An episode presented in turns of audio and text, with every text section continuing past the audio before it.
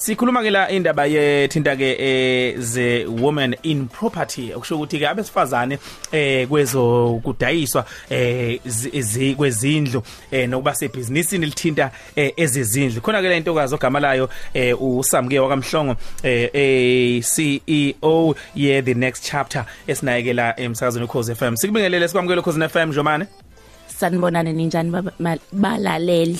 Siyaphila siyaphila siyaphila bhebhe wena right hayi ngiyaphila namba ngiyabone ke ntombi. Eh samke uma kukhulunywa ngendaba yabantu besifazane in property isikhathi esiningi masicabanga iproperty sicabanga izindlu lezi sihlala kuzona kukuphela uma sikhuluma nje ngeproperty ngalendlela nini niyibheka ngayo nisuke nikhuluma ngani kahle kahle? Eh sikhuluma ngayo iproperty vele izindlu lesi esihlala kuzona nazo futhi lezi ndlu esizithenga ukuthi sizirentise. -hmm. so sizoba ama landlord so it's both of them where sibheka i research ukuthi thini ibonisa ukuthi hayi abantu besimame. Ibona ke manje esebethenga izindlu ngamandla ibona sebethenga iproperty ngamandla. Hmm. futhi ngoba nje senikhuluma le ndaba yelobola ngoba umuntu mhlambe umshado mosungahambi kahle umuntu akaphindele ekhaya. Uma nayiqhubela nempilo yakho uthola ukuthi umuntu uhlala egoli hmm. usebenza egoli ekhaya kuse KZN njengami nje ekhaya kuSamarisburg ngisebenza egoli. Ngiyangiphindele mina eMarisburg bese ngidivorce hmm. angiphindelanga eMarisburg impilo emanye yaqhubeka ngathatha ikhwama zami ngathatha ishopa sami ngazitholela indawo ngahlala nabantwana bami ngaqhubeka ngasebenza. Abazali futhi abangaba nankinga nalokho? Abazali banganenkinga because bayazi ukuthi lo mshado ubunzima ingane yathi zamile kwangasebenza ingane yathi siyifundisile inomsebenzi omuhle izophindelelana nekhaya ifundile nansi iyasebenza manje awusuka. Iyasebenza ihambisa imali ekhaya siyibuyisela nekhaya ngifuna sikhulume ngeyingcinamba ezikhona kuleli business mhlawumbe. Kuhamba kanjani? Uh well you know umuntu mayifuna ukuinvest ku property kumele azi ukuthi iwenzani. Thina siyasaba ukukhuluma nokubuza imibuzo and lento besisho ku property show izolo mm. e Durban Exhibition Center ukuthi masingasabi ukubuza imibuzo masingasabi ukuthi sithi eh eh angiyithandi le interest rate ibank enginike yona. Mhlawumbe ibank ethe izonginike ibond yami ngo 11% kumele ngiphindele emuva ngithi cha nginike nginike no 10% noma 9% kodwa because asazi ukuthi le interest rate calculate kanjani ngeke sazi ukuthi sinalo yini ilungelo isigelo sokuthi sithi eh ayikho fair lento nginika yona. So kumele sazi ukuthi okay ibank mayibuka i-interest rate yami izobukani? Izobuka ukuthi nginayo yini imali yokuafforda le installment mm, le bond? Izobuka ukuthi i-credit score yami i-credit report yami ithini? Ime kahle? Yeah, noma ngabe yeah. ime kabi. Kodwa thina mase siyohamba siyo apply lezo zindlu asiyicheckeli nokuyicheckela bengakubuza manje ukuthi sithini iscore sakho baningi abantu abazothi iscore ngisithola phi?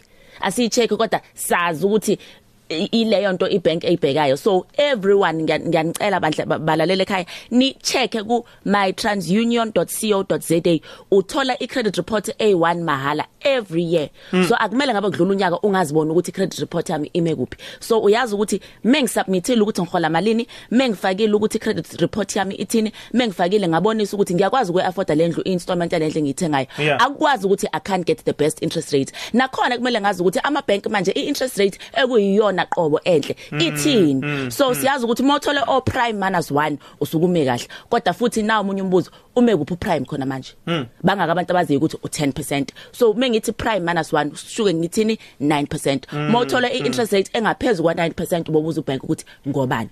So masiqale sisi si understandeni siyifundisa ukuthi yini ibank eyibuka yemezokunika le le le bond grant.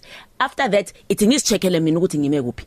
Because mhlawumbe uzothola ukuthi mangilinda 6 months before ngiyo apply leyo bond. Okay. Ngibe ngilungisa izinto zami. Khona mengifika ebank ngifika ngimuhle. Khona ngizothola i-interest rate right ngikwazi uafford installment yami. Kuzoba lula ke manje ukuthi ngiphinde ngithenge esibili nesithathu indlu. Singaloko sithi hayi amabhanka afuna ukunika abantu abamnyama ama bond in. In cha wena umuntu omnyama ulungisile indaba yakho. Yeah and ukuqala ngani ngemfundo asinayo imfundo ayini lento ke esizele usamke ayisukele le egoli ukuthi eza buye ekhaya azothi hayi sengifundile ukuthi kwenziwa kanjani ngale bese ufundisa abanye udodisa abanye besifazane ke manje. Nabesilisa kodwa shame ave sinithanda yazi. Yeah. Ave sinithanda ngoba kuyi women's month hayi ukuthi asinakile ukuthi sithi nje bafazi masibamsanani bakithi siyanthanda nathi. Phone sishayelana phone nisixoshana emakwethu. Awu ngiyaxolisa nami bakithi egameni labo bonke amadoda eh angasile ashaya abantu besifazane. Ngithi angixolise bakithi. Manje wekhathithe njengoba umbuzo usamke ukuthi eh kufundiswa abantu besifazane njengoba secacisa ukuthi nabantu besilisa. Ngazo zonke lezi zinto. Mhlawumbe awusicathu ngibathulise ngokuthi i- i- ikuphi enisuke nikubheka no- nanokuthi nikuhlela kanjani? Yebo kade khona i-property show kade nikhona. Yebo. kodwa uma manje masibheka nje umsebenzi wenzayo usuku nosuku niba- nibafundisa kanjani nifinyelela kanjani kubona nenza kanjani nenze ini? Yeah Okay. So mina ke ngusamke ngangisebenza bank for 7 years. And then ngashiya after ngenza i, i research report kwi- ngesikhathi ngenza i masters ebonisayo ukuthi abantu besimame babantu abamnyama. Ibona la eSouth Africa abanekweleto eningi na wonke Yo, umuntu. yo, And then akhona yo. uzocabanga ukuthi hawu shame abantu abahluphekayo abahlala emakhaya abangafundile cha abantu abafunde university abantu abaphethe i full time job abantu abahola u250 to 750000 ngonyaka. Laba babona Abantu ngathi baphila kahle. aba right abahamba ngale imoto lezi eziduma ukususa uthuli. Ibona aba abanezikweletu Bacwile eziningi ngobani ey'kweletini. ngoba ngithi bank isuka ithatha inamba yakhe ID number yakuthola lama SMS athi nje thumela ku SMS ku 32 bani bani uzothola i credit card lakho uzothola i loan yakho yabo then ayekho umuntu ondlini othe hey egada just because ibank iyakunika leyo loan doesn't mean ukuthi uyayi afford yabo so mina ke ngaphuma ebank ngaqala icompany yami le okuyi TNC the next chapter. In the next chapter thina senza ama workshop ik every month senza ama workshop o- for ourselves ukuthi abantu bangathenga amathikithi and we also siyabizwa amankampani ukuthi anizofundisa abantu abasebenzelayo ukuthi imali iphathwa kanjani. Then ke mina ngize lana nge- ngi- ngi- ngizobona le property show ehostwe i private property. Ukuthi mina ngiyazi ukuthi bengenze i property workshop ukubonisa abantu ukuthi ungakwazi ukinvest kwi property not only ngokuthenga i property lo ibonayo ukuthi nasi istina ngiphethe Yeah. isikhiya ungathenga nama shares kwi property ungathenga nje ukuthi okay ngiyazi ukuthi kune pavilion kune gateway. Ngifuna ukuthenga ama shares e pavilion e gateway ngiyazi ukuthi le tiles elami nokuthi i rent engenayo i portion yayo iza kumina Iza kumina, ya. menyuka i value ye pavilion noma i gateway nami ngiyathola so uyakwazi ukuqala ngisho nango 500 rand Okay. ukungena kwi property investing ngokuthenga i unit trust yakhona so yizo zonke lezo izinto esizikhulumayo yizo zonke lezo zinto esi- esi- esichazayo Okay. esichazayo Right. Mangabe isikhathi sinje sibheke lapha na ke ekuthenini siphethe ke ingxoxo ingxoxo yithi esinayo ke la eh, noSamke wakamhlongo. Eh sikhuluma ngabe sifazane ke abangene bagcile ke bhabi ebusinessini lezindlu. Eh wenje man sesiphethe njengane ukuthi ngiyazi ukuthi into lezinye zengqinamba nanokuthi abantu bangabhekana kanjani nazo. Eh kubaleka kangakanani ke manje ukuthi umuntu eh angene kuleli business eh lithinda izindlu eh njalo njalo ngoba abaningi banalo uvalo. Kodwa manje just ukubaqinisa nje wena ukuthi ubaqinisa idolo noma isibindi sokuthi bangangena futhi baphile la. mina ngingathi noma ungaqala ukungena manje qala ukubuza nokuzifundisa. Ngoba awufuni ukuthi mase kudlula iminyaka ewu5 ewu10 ubona osamke sebephethe ama flat sebeshaya nga nga5 nga6 izindlu bese uthi hawu ngabe nga? And futhi isixwayiso engabanika kusona ukuthi ungangeni kwinto ongayazi ungangeni kwinto ngoba ubona abanye abantu bengena.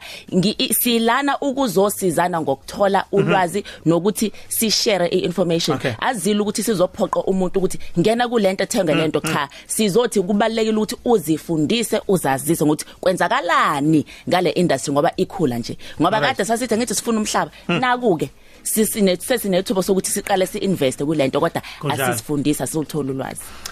Wena eh eh eh eh eh, eh Ntombi ngifuna la ukubuya sibheke manje ukuthinini sesiphetha ke wena ke utholakala kanjani? Ngiyazi abantu baningi bazoba nemibuzo abanayo njalo njalo ukuthi mhlawumbe ukwazi ukubasiza lapha nalapha ya. Ikuphi lapha bakuthola khona?